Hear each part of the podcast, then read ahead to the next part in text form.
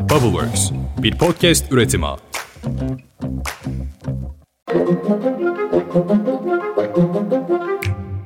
Günaydın. Bugün 13 Mart Pazartesi Bubbleworks Media ve Pushholder ile beraber hazırladığımız 5 dakika dünya gündemine hepiniz hoş geldiniz. Ben Özlem Gürses. Cemreler düştü. Havalar ısınıyor. Yeni hafta başladı. Seçime 62 gün kaldı. Anlatayım.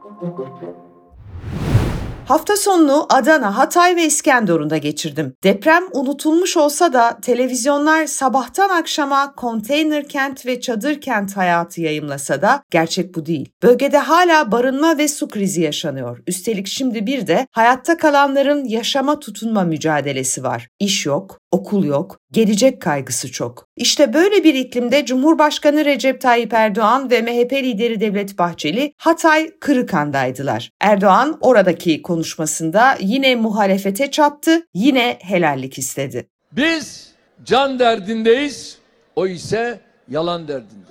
Kardeşlerim, insan iradesini aşan hususların olmaması, kimi aksaklıkların yaşanmaması mümkün değildir. Ama böyle büyük bir felaketi yaşadığımız dönemde akşam yalan, sabah yalan böyle bir iftira içerisine girilir mi? Milletimizin de şahit olduğu gibi her türlü gayreti göstermemize rağmen eğer sıkıntılar yaşadıysanız bize düşen değerli kardeşlerim sizlerden helallik istemektir. Ancak bölgedeki sıkıntılar helallik verecek gibi değil. YouTube kanalımda bu konuyla ilgili tüm videoları bulabilirsiniz. Hatay'dan yeni döndüm. Ayağımın tozuyla montajları yaptım, kanalıma yükledim.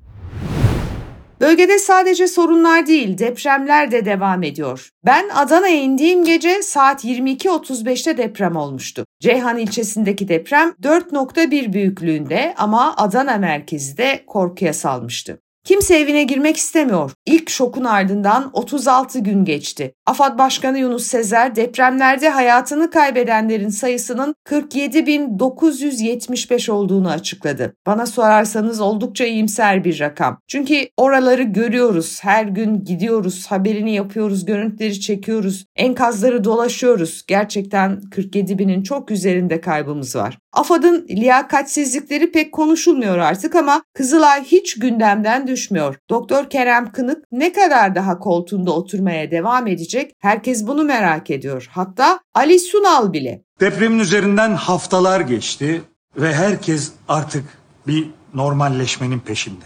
Peki nedir bu normal? Nasıl bir normalleşmenin peşindeyiz? Mesela fay hattına binalar yapmak mıdır normal olan? Ya da depremden sonra arama kurtarma ekiplerinin ve yardımların gecikmesi normal midir?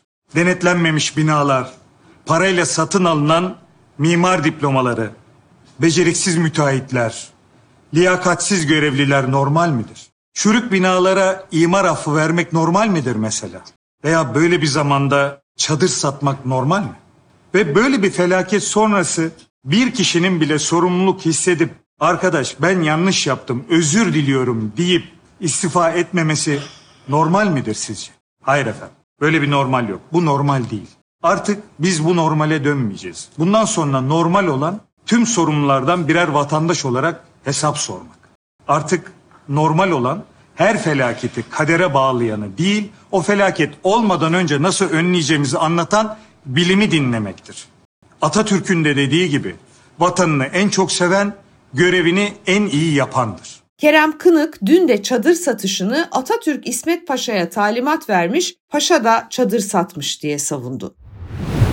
Bunca felaket, bunca ölüm fakat ders alıyor muyuz hiç emin değilim ne yazık ki. Şimdi de eğitim binalarına sahte denetim raporu satıldığı iddia ediliyor. İstanbul İl Milli Eğitim Müdürlüğü kentteki 1134 özel eğitim kurumuna bir yazı göndererek depreme karşı teknik inceleme yaptırılmasını ve dayanıklılık raporu hazırlatılmasını istemiş. Ancak İstanbul'da bazı şirketlerin düşük ücretlerle sahte ve usulsüz teknik incelemeyle depreme dayanıklılık raporu hazırlattığı belirtiliyor. Üstelik raporu hazırlayan şirketin yetkilisi kolonlardan örnek dahi alınmadığını itiraf etmiş. Milli eğitimin salak olduğunu herkes biliyor, rapor kontrol edilmiyor demiş.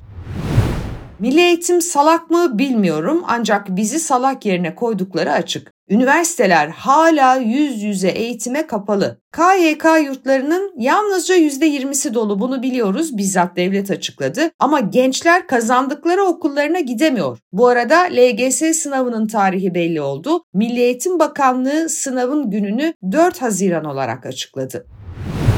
Barajlardaki doluluk oranlarına bakılırsa İstanbul'da 100, Ankara'da 28, İzmir'de 25 ve Mersin'de 18 günlük su kalmıştı ki meteorolojiden turuncu alarm geldi. Türkiye çok şiddetli bir sağanak yağışın etkisine girecekmiş. Ancak ne yazık ki bu yağış en çok deprem bölgesini vuracak. Hatta Adana'da sel alarmı verildi. Dün gece ben oradayken kriz masası toplandı. Türkiye hızla seçimlere giderken 700 bin işçi zam beklentisi içinde. Ekonomide ise pek umutlu haberler yok. Ramazana günler kala İzmir'de geçen yıl 350 gramı 6 liradan satılan Ramazan pidesinin fiyatı değişti. Gramajı düştü, 320 gram oldu ve 320 gramlık pide 10 TL'den satılacak. Bir zam da Cumhurbaşkanı Erdoğan'ın en sevdiği marketlerde yaşandı. Tarım Kredi Kooperatif marketlerinde geçen yıl 169 lira olan Ramazan kolisine %89,34 zamla bu yılki fiyat etiketi olarak 320 lira takıldı. Aynı koli 2018 yılında sadece 49 TL'ydi.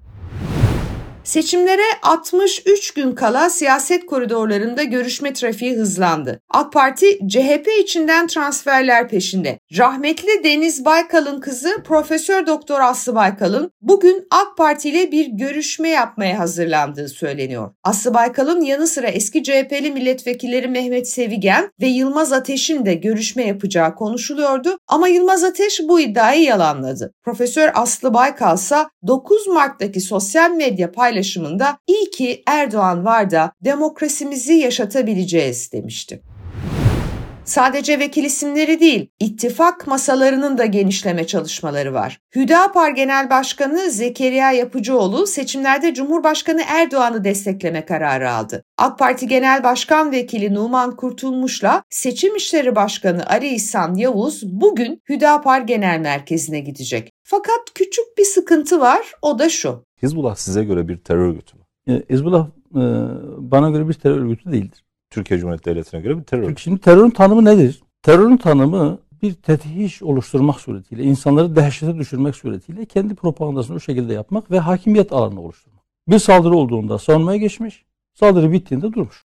Duydunuz işte Hüdapar Hizbullah'ın bir terör örgütü olduğunu düşünmüyor. Sadece bu röportaj değil Hüdapar'ın parti programındaki görüşlerden bazıları da şöyle. Eyalet sistemi, özellik ve federasyon tartışılabilmelidir. Şeyh Said'in yakınlarından özür dilenmelidir. Ne mutlu Türk'üm diyene yazısı her yerden silinmelidir. Kürtçe, Türkçe ile birlikte ikinci resmi dil olarak kabul edilmelidir. Medreseler iyileştirilmeli, asli fonksiyonlarına kavuşturulmalı ve resmi statü tanınmalıdır. İsimleri değiştirilen yerleşim yerlerine eski adları geri verilmelidir. ANAP ve DSP'nin de Cumhur İttifakı'na destek vereceği açıklanmıştı. Demokratik Sol Parti kararını verdi. DSP Genel Başkanı Önder Aksakal ne Millet İttifakı'ndan ne de Cumhur İttifakı'ndan görüşme talebi gelmediğini belirterek seçimlere parti olarak katılacaklarını duyurdu. Genel Başkan ne o ne o dese de aralarında eski bakan ve milletvekillerinin de olduğu 51 DSP'li isim Millet İttifakı'nın Cumhurbaşkanı adayı Kılıçdaroğlu'na destek vereceklerini açıkladılar. Yapılan açıklamada demokratik solcular olarak kişisel hiçbir beklentimiz olmaksızın Millet İttifakı'nı ve onun Cumhurbaşkanı adayı Kemal Kılıçdaroğlu'nu destekleyeceğiz denildi. Biraz da Millet İttifakı masasına bakalım yani kamuoyundaki bilinen adıyla altılı masa. CHP lideri ve ortak aday Kemal Kılıçdaroğlu yoğun bir çalışma dönemi için parti okulu merkezindeki odasını hazırlattı. Altılı masadaki partilerin yanı sıra desteği aranacak partiler arasında Bağımsız Türkiye Partisi, Emek Partisi, Genç Parti, Halkların Demokratik Partisi, Memleket Partisi, Türkiye Komünist Partisi, Türkiye Komünist Hareketi, Türkiye Değişim Partisi, Türkiye İşçi Partisi, Sol Parti ve Yeşiller Partisi bulunuyor. Ancak bu partilerin tutumu yapılan ziyaretler ve adı geçen partilerin yetkili kurullarında gerçekleşen tartışmaların ardından belli olacakmış.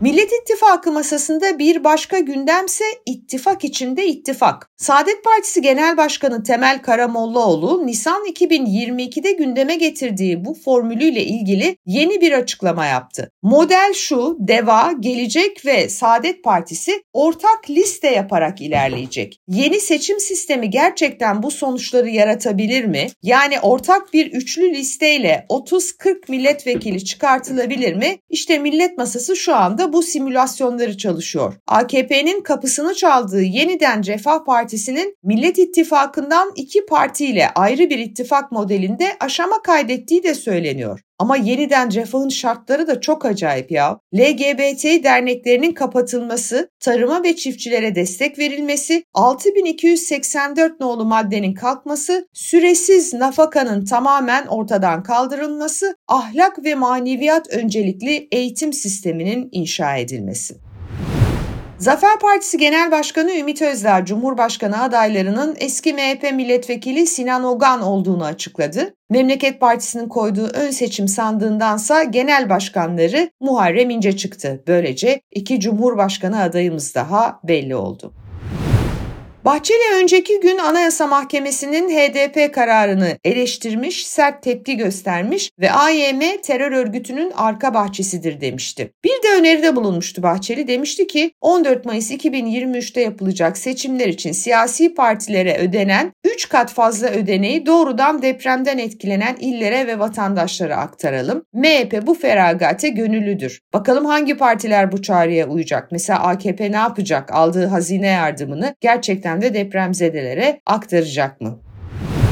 Yaklaşık 15 yıl aradan sonra Amerika Birleşik Devletleri'nde yeniden büyük bir finansal kriz yaşanıyor. Daha doğrusu yaşanıyordu. Silikon Vadisi'nin en önemli bankalarından Silicon Valley Bank battı. Amerika Birleşik Devletleri'nde 4100 banka var. Bu banka mevduat hacmi itibarıyla 16. sırada bulunuyordu. Çünkü Silikon Vadisi'ndeki teknoloji yatırımlarını ve girişimleri destekleyen bütün fonlar ve melek yatırımcıların tüm mevduatları bu bankadaydı. Yani çok hayati bir banka özellikle Amerika'daki girişimcilik ekosistemi açısından. Bu banka battı bildiğiniz battı ve bu dehşet bir şey tabii. Kaliforniya ve Massachusetts'te 17 şubesi vardı. Bankanın ana ofisi ve tüm şubeleri 13 Mart'ta düzenleyicinin kontrolü altında yeniden açılacak. Amerikan Hazine Bakanı Janet Yellen, Silikon Vadisi Bankası'nın kurtarılmayacağını ancak mevduat sahiplerini korumak için bir formül üzerinde çalıştıklarını ifade etti. Çünkü bu banka batarsa finansal sistem hepten batar Amerika'da. Amerika'da da durum ve gündem bu. Evet haftaya böyle felaket üstüne felaket haberleriyle başladık. Olsun ne diyoruz? Ümidimizi koruyoruz diyoruz. Sabah ola hayrola diyorum efendim ben. Yarın sabah İstanbul'dan da olacak sesim kulaklarınıza. Türkiye'nin en çok dinlenen haber podcastini birlikte yaptığımız için bir kez daha teşekkür ediyorum. Yarın görüşünceye dek. Hoşçakalın.